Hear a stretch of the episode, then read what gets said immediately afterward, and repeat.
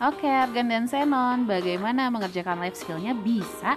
Nah, anak-anak, itu adalah latihan untuk menulis ya. Yuk, jika tangan kalian terasa pegal, boleh lakukan peregangan terlebih dahulu.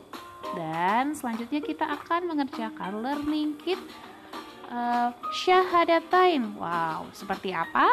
Oke, simak video berikut ya.